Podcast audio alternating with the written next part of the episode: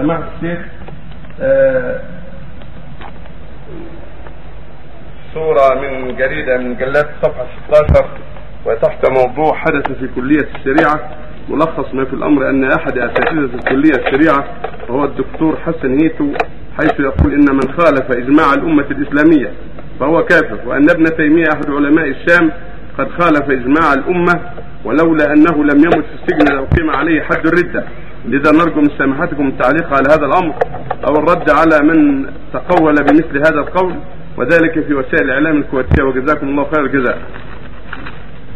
هذا ما سمعناه ومن قال هذا فهو أجهل من حمار أهله. من قال هذا الكلام سواء حسن أو حسن المذكور. من قال مثل هذا الكلام فهو أضل من بعير أهله وبقره أهله. لا شك إن قال بغير علم وقال قولا فاسدا ضالا.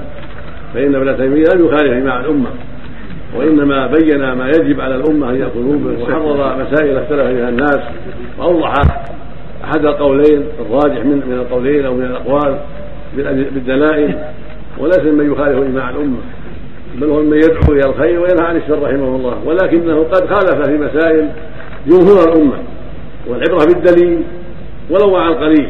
فإذا كان الأكثرون على قول والقليلون من العلماء على قول والدليل مع القليل فالحق مع القليل. الحق مع من معه الدليل ولو كانوا هم القليل من العلماء. فليس الحق مع الكثيرين. الحق مع من معه الدليل من قام معه الدليل من كتاب أو سنة. فهو فهو صاحب الحق.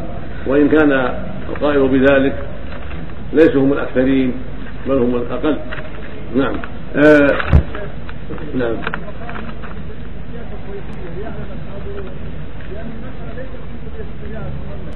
الكويت الكويت. في الكويت نعم.